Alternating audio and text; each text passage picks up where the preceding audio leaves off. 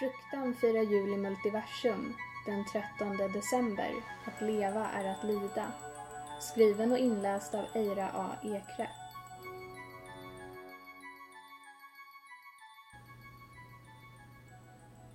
Hon snubblar in mitt i natten. Står kvar vid dörren ett tag och bara andas. Rättar till kronan på huvudet. En plastig monstrositet med batteridrivna ljus och mycket glitter. Hennes blick är rödsprängd, vild. Ett brett rött skärp är hårt knutet kring hennes midja. En blodliknande kontrast mot den vita klänningen. Han skulle inte kalla det kärlek vid första ögonkastet, men han är definitivt fascinerad. Därför beställer han en tranbärsjuice innan hon har nått baren. Egentligen ser hon ut att behöva något starkare men fan, hon är alldeles för ung för vodka. När den skäggiga bartendern serverar hennes drink ser hon sig förvånat omkring. Möter hans blick i folkhavet och håller den så länge att han känner sig allmänt obekväm. Han vet inte vad han egentligen hoppats på, men inser att han blir förvånad när hon slår sig ner vid hans sida. Uh, tuff dag. Hon sörplar demonstrativt av juicen och han tar det som ett ja. Han ska precis byta samtalsämne när hon tar till orda. Barnen börjar bli allt för nyfikna. Jag vet inte hur många jag kastat aska i ögonen på idag. Ja. Tuff dag. För någon sekund blir han tyst, går igenom vad hon sagt ord för ord och försöker förstå. Det går inte särskilt bra, så han bestämmer sig för att fortsätta konversera som en normal människa. Tanken att en normal människa kanske skulle byta plats om de fick höra en sådan sak slår honom inte. Jag också. Stuntmannen slog inte tillräckligt hårt. Nybörjare som inte fattar vad genuint betyder. Han suckar, ser ner i whiskyn som om den bärnstensbruna drycken håller svaret på alla livets frågor. De bröt tre revben på mig till slut. Såg bra ut på duken. Hon har slutat dricka. Ser på honom med beräknande blick. Tömmer sedan juiceglaset och beställer månsken av bartendern. Mannen bakom disken nickar leende.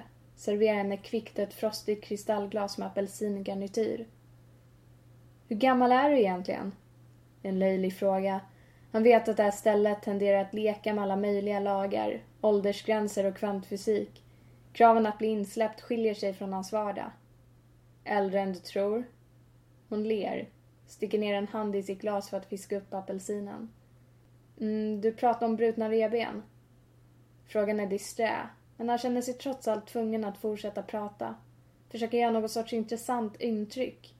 Han vet inte ens varför han bryr sig, men av någon anledning spelar det roll. Ja, alltså jag tycker det är viktigt att något känns äkta. Publiken vet när man fejkar. När han rätar på sig kan han inte låta bli att grimasera. En ljustekniker fick lägga om revbenen. Inte världens bästa idé, men ärligt talat, han har bättre saker för sig än att besöka sjukhus. Så du skadar dig med flit? Hennes röst är mild på samma sätt som is är len. Hennes händer lämnar sotiga fläckar på allt hon vidrör. Han rycker på axlarna och grimaserar igen. När det behövs. Jag menar, när du är rädd, när du knappt kan framhärda, när livet gör dig illa. Det är då du ser vem du verkligen är. Hans ord ekar.